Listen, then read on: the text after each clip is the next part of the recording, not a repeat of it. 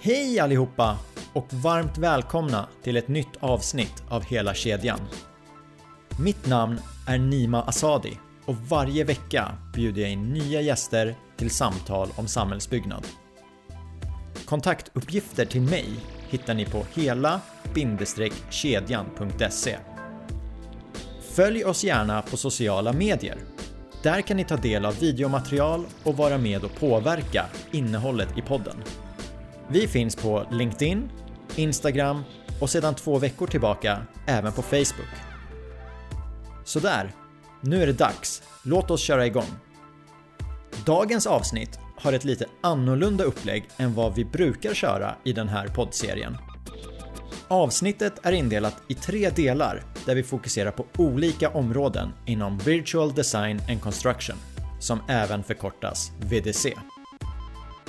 Vi inleder med att prata om Generative Design och Cloud Collaboration.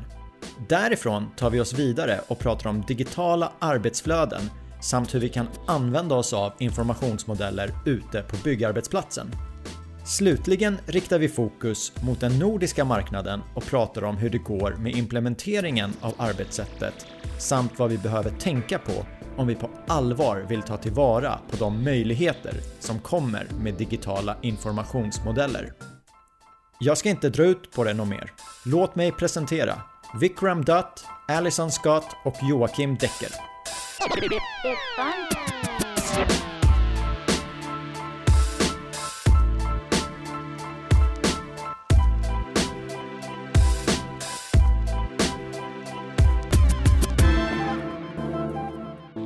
Welcome to the podcast, Vikram. It's a pleasure to be here, Nima. Let's uh, start with you introducing yourself to our listeners. What do you work with? Yeah, so I am um, been with Autodesk for 13 years. I'm the senior director of the building business line, and so my team is responsible for the industry strategy and marketing for the building design segment, which covers architecture, MEP, and structure on the design side. And uh, today uh, we're going to talk about generative design and cloud collaboration because I've heard that you're kind of an expert in those fields. Is that correct? Well, I'll let your listeners be the judge, uh, but I'll be happy to talk about uh, both of those topics. Let's start with generative design. What does that mean?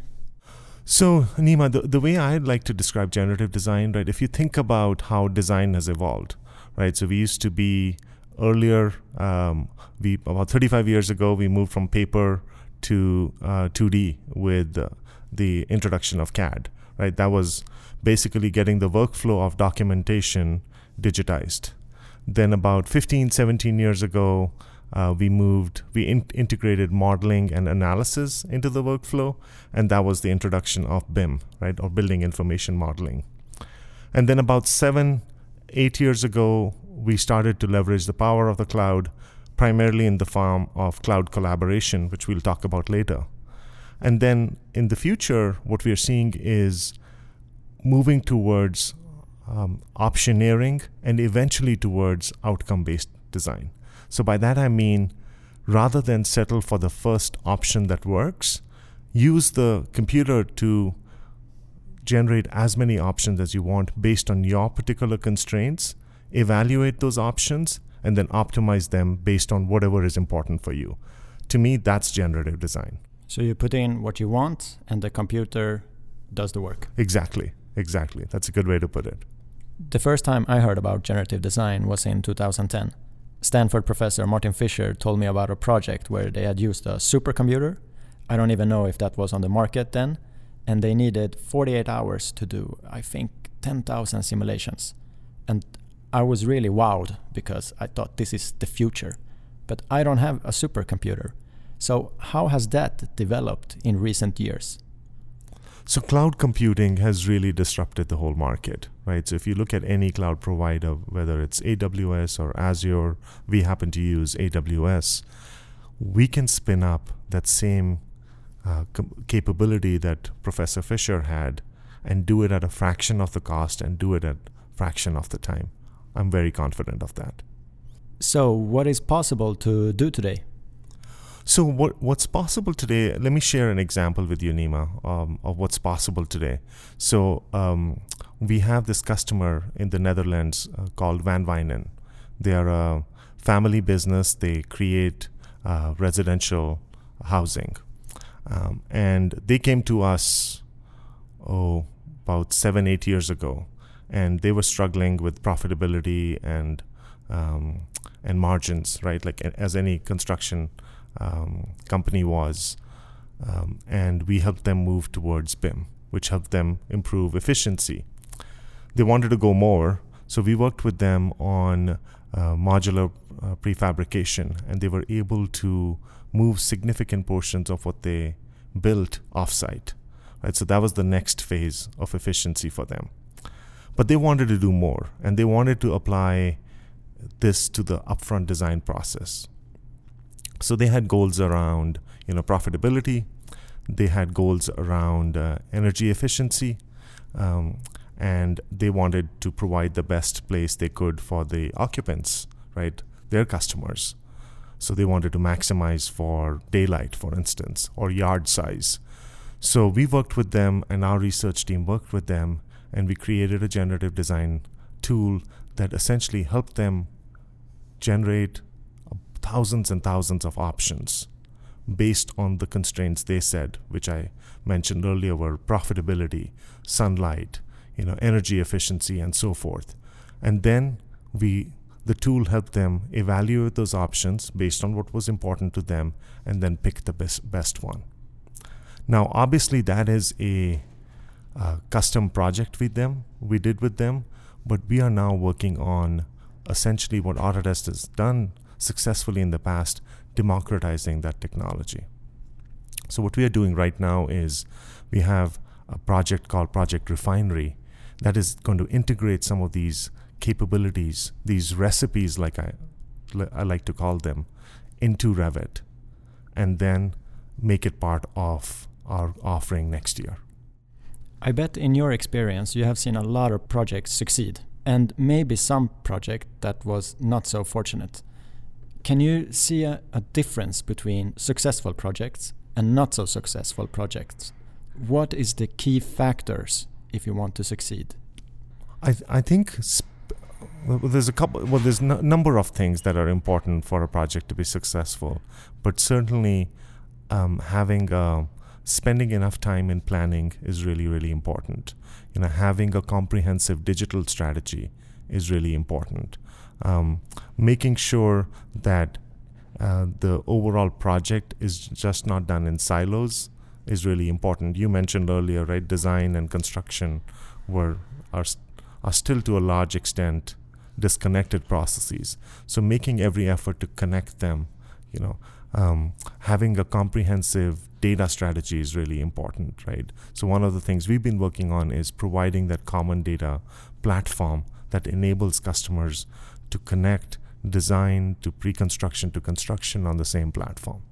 If we take a residential project, uh, I guess that the architect needs to be involved, the structural engineer needs to be involved. We need to know as uh, developers what do we want to build. Is there any other discipline that we sometimes forget in the industry. But you know that you need to think about this also. Well, I don't know if you mentioned owners, but I think owners is a key component, right? And as we see adoption of BIM gaining foothold, you know, owners are the one who stand to gain and lose the most, right? Uh, I'm sure you've heard of this statistic that 80% of a building's cost is in the operate phase. So, getting owners engaged into the BIM process, making sure there's a way to provide that BIM data to them for operations and maintenance maintenance is critical. But for them, it's a big difference between uh, hire an architect and tell them to uh, draw something for us uh, and see if we like it, compared to put in some factors that they want to see in their new project that's a big difference in how you work and how you need to think. What is your experience in that field? Does owners need to change how they are working? Absolutely, absolutely. I think owners have an equal responsibility. You can't just hire an architect and tell them loosely what you want and then expect the entire process to go as smoothly as you would like. So I think owners have a big key part as an important stakeholder um, to play in this process. So if you have a room full of owners and uh, contractors aiming to be the best, what will you say to them? Work better together. Great. Let's go to cloud collaboration and uh, yeah, let's talk about that. Yeah, yeah, same thing here. What does that mean? Can you describe it? So, Nima, like I was describing earlier, right? You know, the the cloud really has enabled us to um, make collaboration possible like it was never before, right? So, if imagine you are a uh, I know you mentioned you personally use Revit, right? Um, and say you're an architect and you're working with another architect across the world, like we see a lot of our customers do. How do you work on that same Revit model together?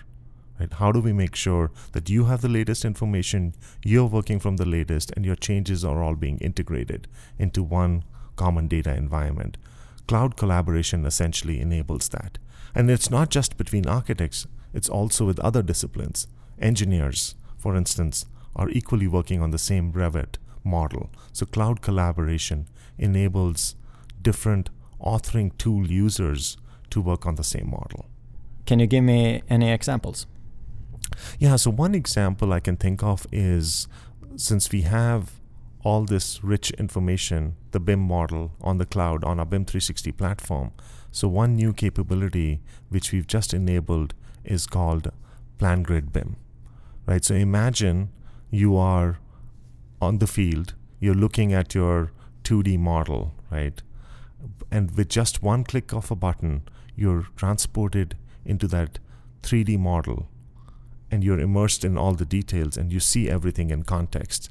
That's what we are enabling by connecting design to construction. A question I thought about in big companies, you have a finance department, you have a facility management department, and they work with different softwares. How does the Autodesk cloud talk with other system and other clouds? So we know uh, our customers use different tools and clouds for the work they do right? So a key part of our strategy is to is it's built on an open platform. Everything is built on forge which is how we develop our application. So we break everything down into configurable pieces which us uh, customers and partners can all develop solutions on. And we are working on connecting that open platform with other tools our customers use so it's not a closed platform. Absolutely. We, our strategy is to be open and make it extensible for our customers. When I started using Autodesk products, everything was desktop based. How is That's it right. today?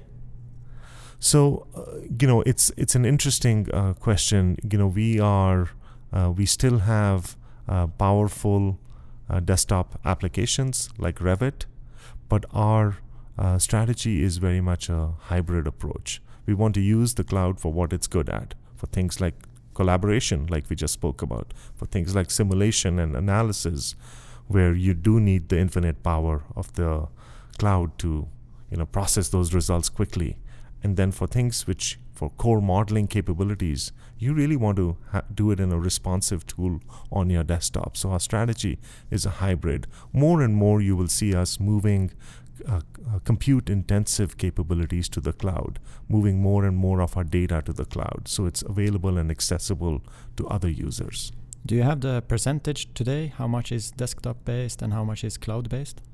I can't share with you specific numbers, Nima, uh, because th- that's something we don't disclose publicly. But we have a, um, a reasonably high number of our users of our authoring tools using cloud collaboration tools, for instance. And how do you think that will change in five years? I think it'll it'll keep on increasing. I think the de facto standard in the future is going to be you're going to save all your data on the cloud first, and only rarely you would keep data on your desktop. Generative design and cloud collaboration are two fields that I really believe in. So if you and I meet again in 10 years, what will we talk about? So Nima, uh, I would I would welcome that. I think one of the things we'll talk about was that right now we are focused on optioneering, as I call it, right? Like the generative design example was really about creating options. In 10 years, we'll be in a place where we'll be talking about outcome based design, right? Right now, if you think about, and you mentioned this, there is still a big disconnect between design and construction. An architect almost challenges a contractor to build what they designed, right? In the future, it's going to be about outcome based design, where this whole process would be so much more integrated and more efficient. Sounds like a great future. Thank you, Vikram. Okay, thank you, Nima. Thanks for having me.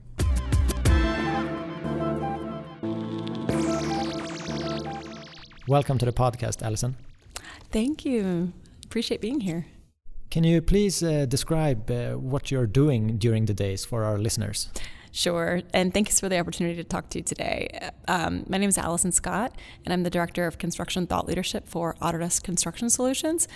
Really, that's just a nice, fancy way of saying that I get to interact with our customers, uh, talk to folks in the industry, and uh, help tell the story about what's happening in the here and now for construction, as well as begin to imagine and tell stories around what's happening in the future. So it's a pretty exciting opportunity. I've been with Autodesk for a little over a year now, and I joined after spending 13 years in the industry.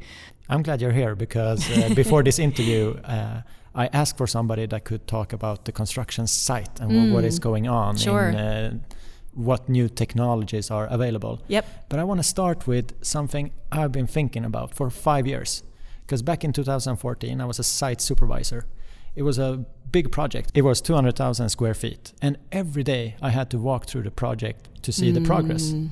And every night I was dreaming about having a drone because we had a Revit model, so the coordinates were clear. Mm-hmm. And this drone would fly through the project, take photos with its camera, and compare it to the day before and automatically send me a note on my computer that this is the project from last day to today. How far away is that? Uh, I think that's a really great question. I don't think we're that far off, to be completely honest. In fact, um, speaking about drones in particular, there's a lot of technology that has, uh, for uh, UAVs and UASs, that have come a long way, even in the last two years. Um, you know, the notion of being of autonomous uh, drones is, is definitely here today. How it gets applied on the construction site is still underway. I've seen a lot of customers and those in, uh, in construction starting to apply autonomous drones for uh, external site surveys and doing stuff that uh, you know outside of a building, especially when you're talking about very large scale projects uh, with a lot of mileage or a lot of acreage to cover.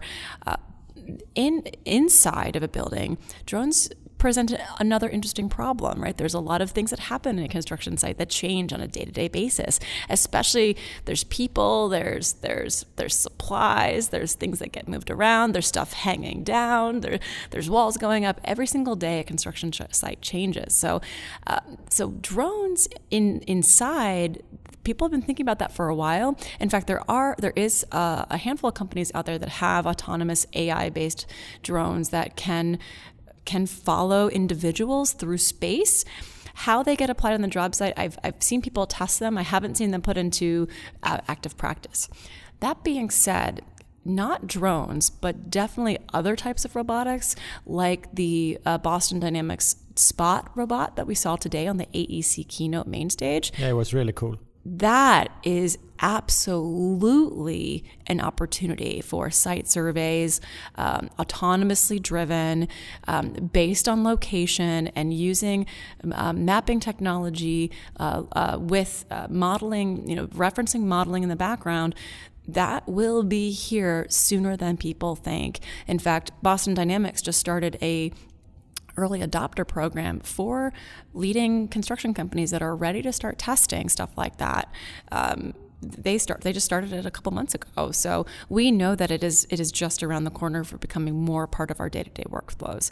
And the companies that i have talked to especially about spot in particular are ready. There to your point right there is nothing more tedious than having to walk through a job site um, you know over and over and over again put that mileage in just to try to identify the things that might have changed.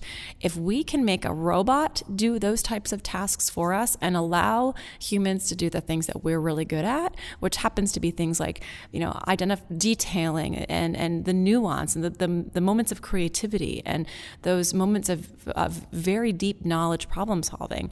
Those are the things that where our brain should be put. So if we can help save time for a site super for not having to do a, you know, a site walkthrough just to do a check on work in place or, you know, check their, check if there's any leaks happening, I think that we're going to save people a lot of time. So I think that the industry is ready for that kind of change. I heard an interesting quote yesterday, uh, and it was walking between point A and B isn't mm-hmm. necessarily work. You you think it's work. Sure. But you can do a lot of better things with that time. Absolutely, you can.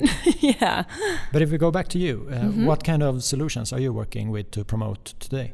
Sure. So uh, Autodesk brought you know a number of different technologies into the family last year and we've been working on this notion of connected construction for a while now. And so here at Autodesk University we launched and officially unveiled Autodesk Construction Cloud. So that's really the work that I've been spending the majority of my time on.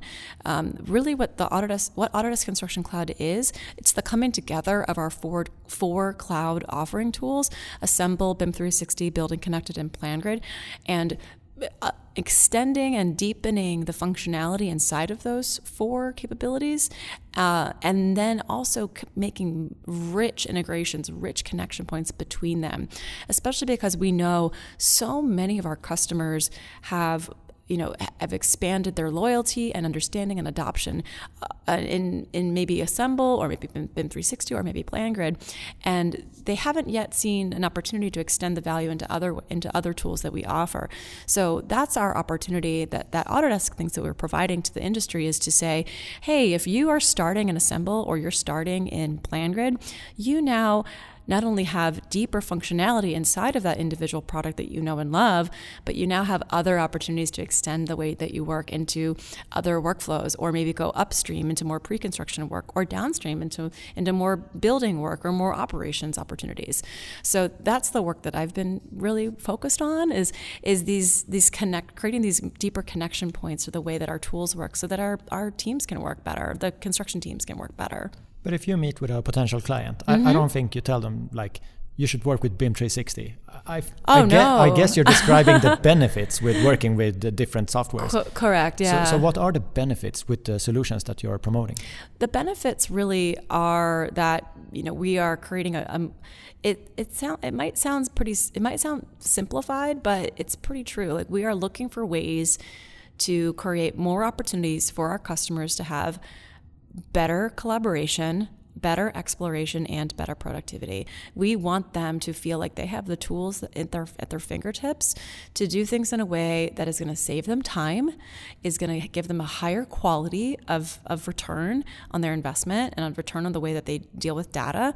Uh, it's going to help keep people safe, and and those are very high level quality and, and project outcomes. But the proof is in the pudding. I mean, we we saw today on the AEC keynote uh, one of our uh, customers, uh, CRB, you know, they are a 35 year old design uh, building and uh, consulting company, and they have been now working with these new integration points between the solutions that they'd already adopted as an, on individual at individual points in time. But now they're beginning they're seeing because of the benefit of Autodesk Construction Cloud, they are now tightening the connections between those tools and already seeing you know time savings and just the way that they operate.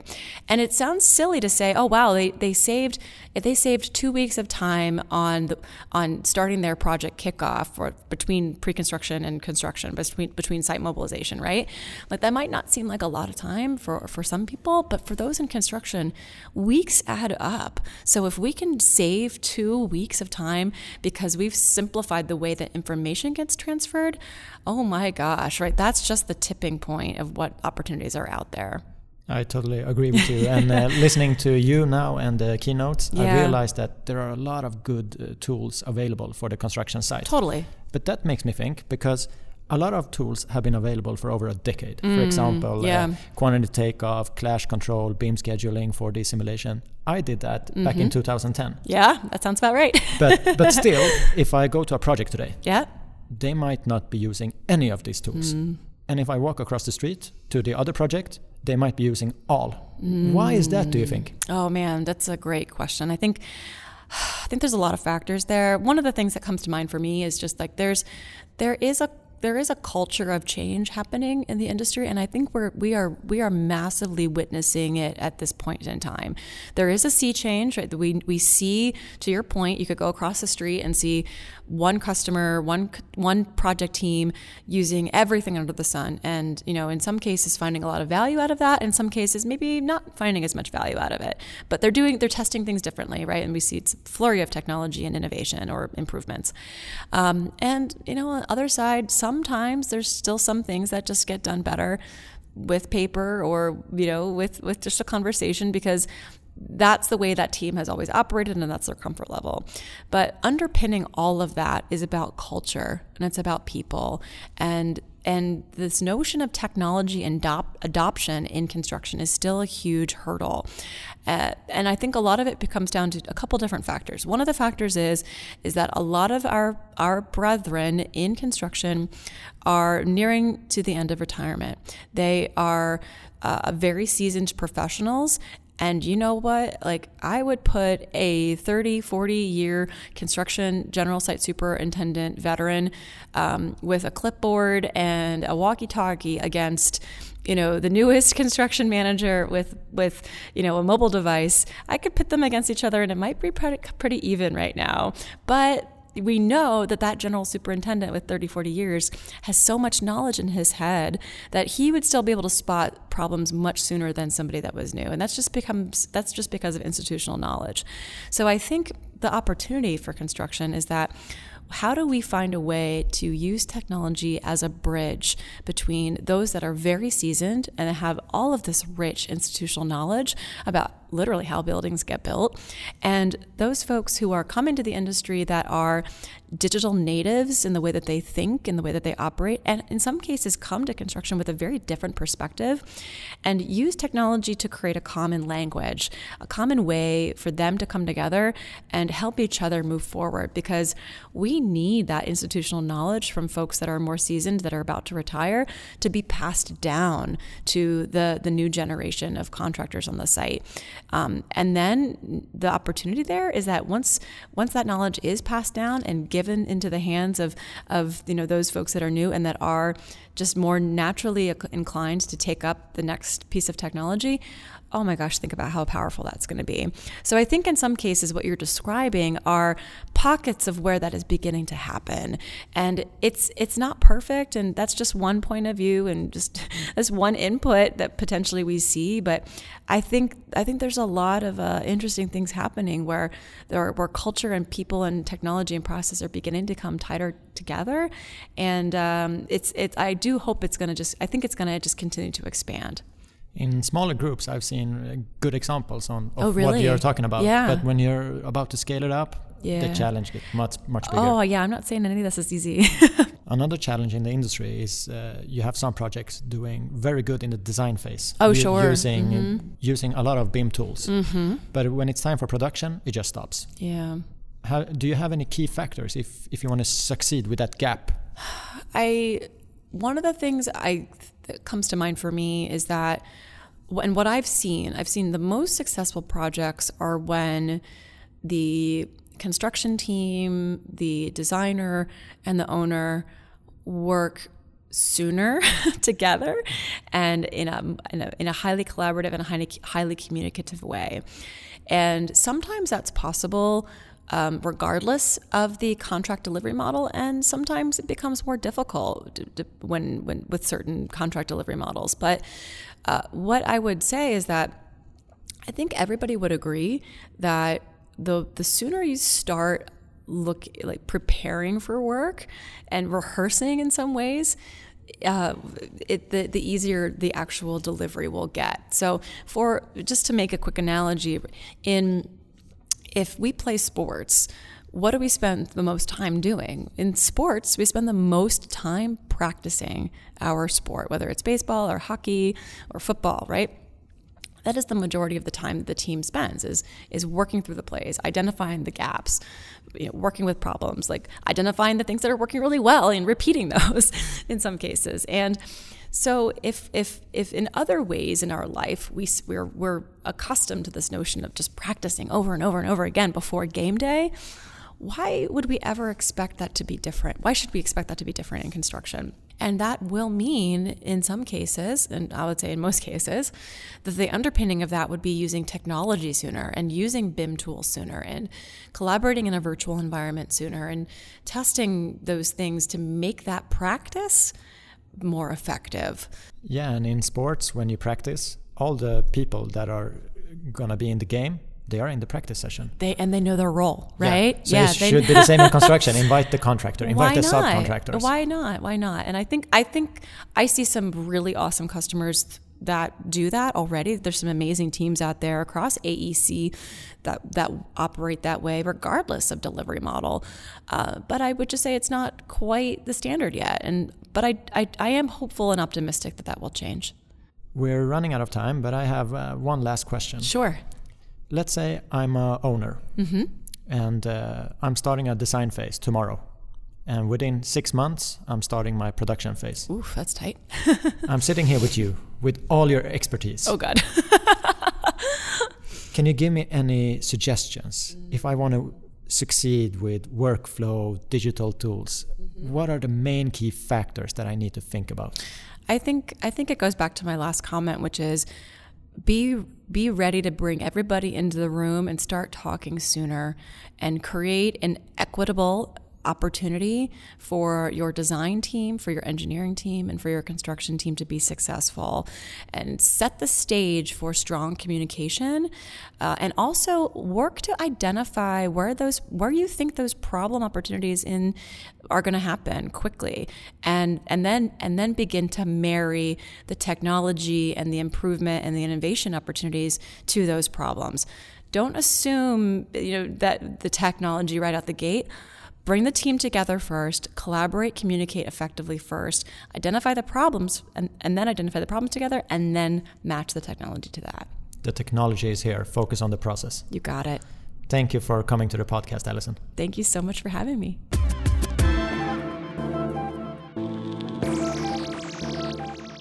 Varmt välkommen till podden Joakim. Tack så mycket Nima. Hur ska vi introducera dig för våra lyssnare? Ja, eh, jag är... Eh, utgångspunkten så är jag faktiskt utbildad maskiningenjör för länge, länge sedan. Eh, jag har dock arbetat alltså, i större delen av min arbetskarriär med affärsutveckling. Oftast inom tekniska mjukvaror, alltså teknisk affärsutveckling. Sen de sista sex åren nästan så har jag arbetat på Autodesk affärsområdeschef för den nordiska marknaden som inkluderar Baltikum och Polen. Det är då i byggindustrin som jag fokuserar och arbetar och jag har ett team på sex stycken som arbetar med mig. Och vi, eh, vi arbetar ihop med ett antal strategiska kunder i vårt område i Norden och Polen för att hjälpa dem att driva utveckling och att arbeta smartare på ett bättre sätt. Eh, att lösa en del av de utmaningar vi har i byggbranschen. Just Autodesk, där tror jag att många av våra lyssnare associerar det företaget med BIM. Mm. Och vi spelar in det här avsnittet på Autodesk University i Las Vegas. Jag har passat på att gå på några seminarier och jag tror inte att jag under ett enda av de seminarierna har hört termen BIM. Hur kommer det sig? Jag tror att man har delvis tröttnat lite på, alltså det är nästan blivit en buzzword precis som vi börjar komma till med digitalisering. Alltså, man pratar så mycket om det och antar att alla har samma uppfattning om vad BIM och digitalisering är. Men jag tror det viktiga har blivit fokus på arbetsflöde, informationsflöde. Och att det är faktiskt det man önskar få ut av BIM eller digitalisering som är det viktiga. Det är inte BIM i sig själv. Eh, jag får lite rysningar ibland när jag reser omkring och hör folk säga “the BIM”. För då är det, det känns det som att då, då tror man att BIM är någon, något verktyg eller en, en magisk stav som kommer lösa alla världens problem. Eh, och det, det är inte det som är fallet. BIM är igen det är en teknologi, det är människor och en process. Och du får inte ut någon nytta om inte du lägger investering i alla de tre sakerna. Om vi backar tillbaka bandet tio år så var ju BIM verkligen ett buzzword. Mm. Och eh, om jag tänker tillbaka på de funktioner som var möjliga då. Det fanns kollisionskontroller, 3D-renderingar, mm. mängdavtagningar. Mm.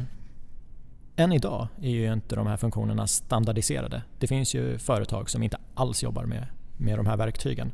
Hur tror du att den här förändrade strategin, att man skippar ordet BIM istället, och istället pratar om informationsflödet. Hur tror du att det kommer påverka implementeringen framöver?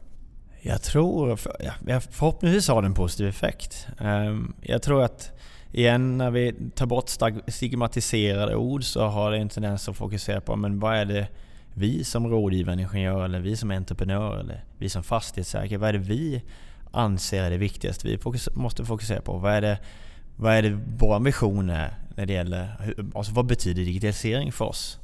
Hur ska vi kunna eh, differentiera oss? Hur ska vi kunna bli cutting edge om vi ska kalla det så. Jag tror att det fokuset blir egentligen bara vad man önskar uppnå istället för något stigmatiserat ord som betyder så väldigt mycket beroende på vem du frågar. Jag håller med dig i det du säger. Och så kan jag inte låta bli att tänka på att det idag finns en debatt om nyttan med BIM. Det finns projekt som lägger både tid och resurser på nya verktyg men om vi ska vara ärliga så får de inte ut eh, full potential. Vare sig inom kvalitet, ekonomi eller smidigare projektprocess. Jag har ju sett mycket av det här på insidan på de mm. företag jag har varit. Mm. Du har ju ett annat perspektiv för att du kollar lite mer från utsidan och så har ju du faktiskt möjligheten att se hur det ser ut på en rad olika företag.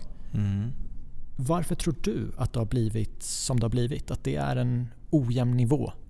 Jag tror eh, att med all investering eller all innovation, all utveckling så bör man alltid eh, ställa sig frågan varför man gör det. Och inte göra det som reaktion för att alla andra gör det.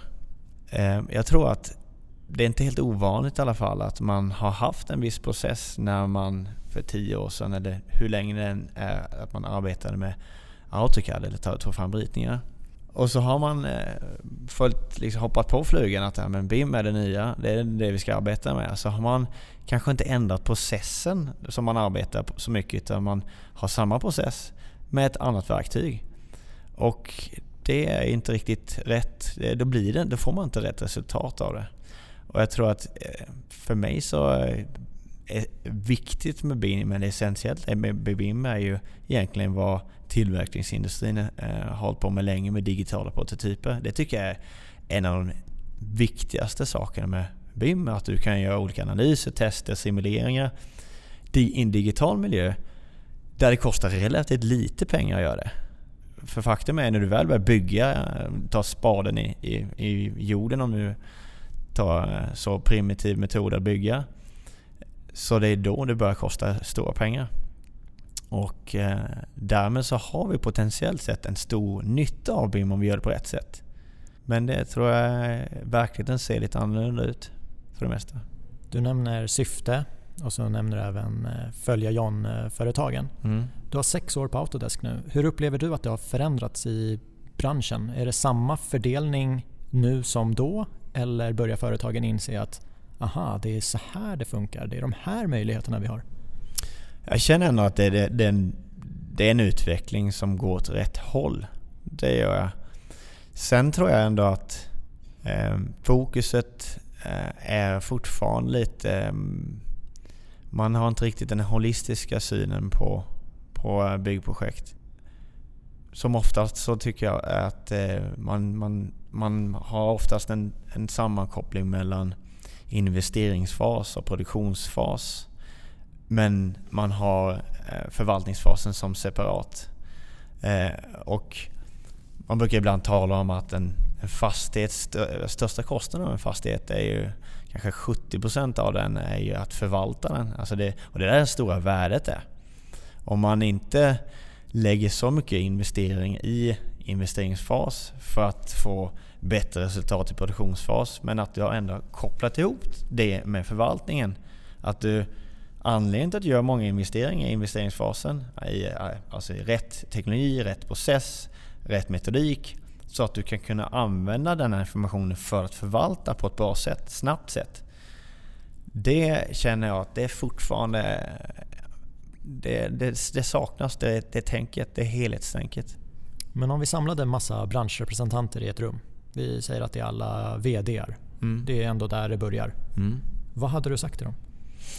Jag hade nog sagt att eh, beroende på vem, vilka, om det är bygg-VD eller om det är fastighetsägare. Jag tror att vi i branschen, om det vi talar om leverantör som Autodesk eller om vi talar om entreprenör eller fastighetsägare, arkitekt eller rådgivande ingenjör så har vi alla ett gemensamt ansvar.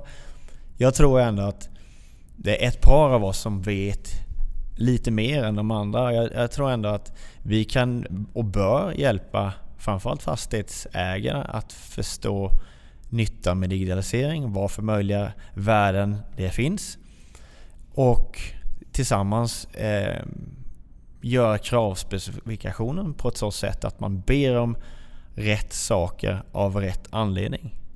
Under de här dagarna så har vi sett några väldigt fina exempel på projekt. Vi har sett Airbus fabrik i Tyskland där de använder generativ design för att ta fram tusentals olika förslag enligt, jag tror det var 10 eller 12 olika kravspesar. Mm. Det var fantastiskt att se utvärdering med metrics och ja, men för en BIM-nörd som jag så mm. var det väldigt kul att uh, få, få se det. Mm. Hur långt bort tror du vi är från att göra sådana projekt i Sverige?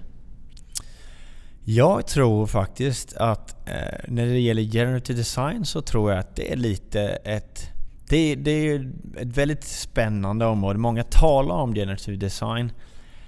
Och eh, det är nog många som ser nyttan i det men det är fortfarande ett outforskat område. Jag tror ändå att man skulle kunna använda det mycket mer.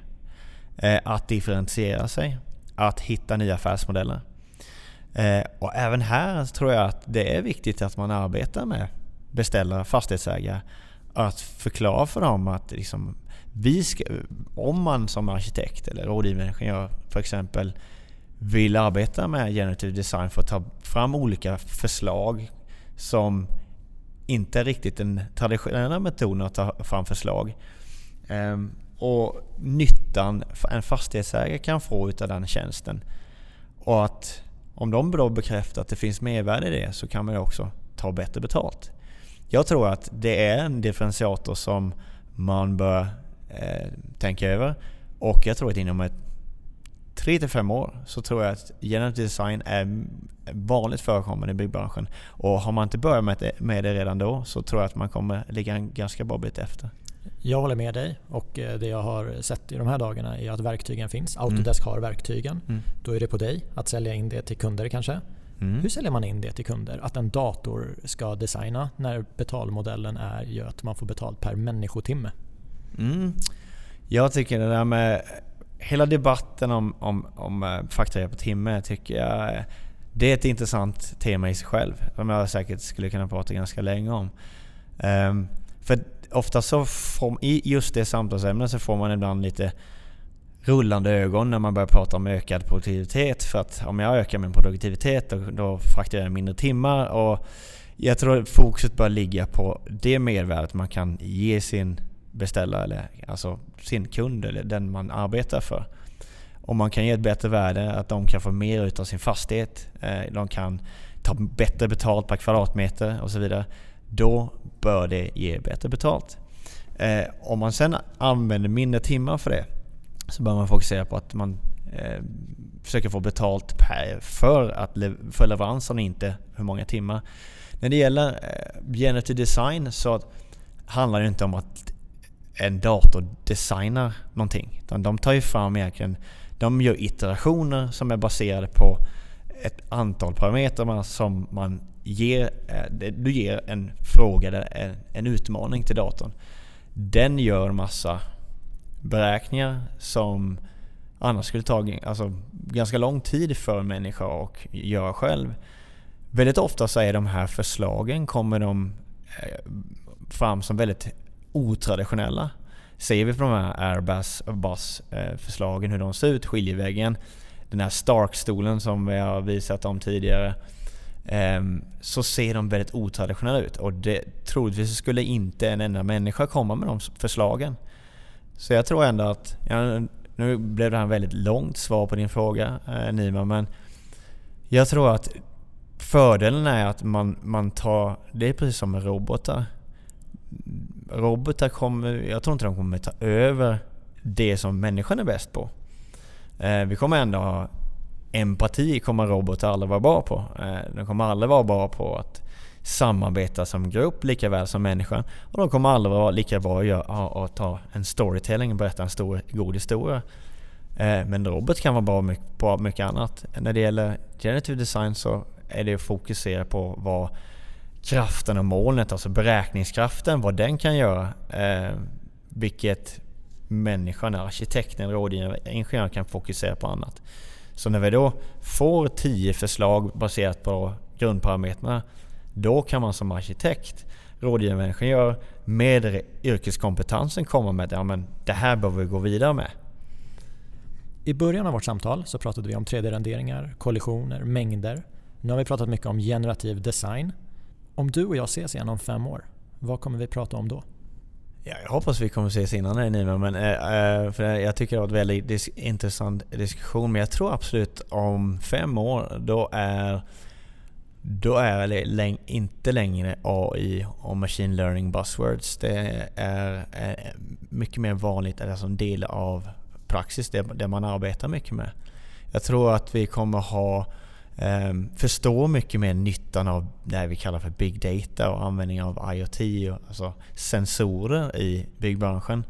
Drönare är absolut mer vanligt förekommande tror jag. Vi använder troligtvis en del robotar för viss, eh, vissa arbetsuppgifter som människor inte ska syssla med som kanske har för stor risk med sig eller det är dåligt för alltså, för belastning för rygg eh, eller för, av andra olika skador, eh, skaderisker.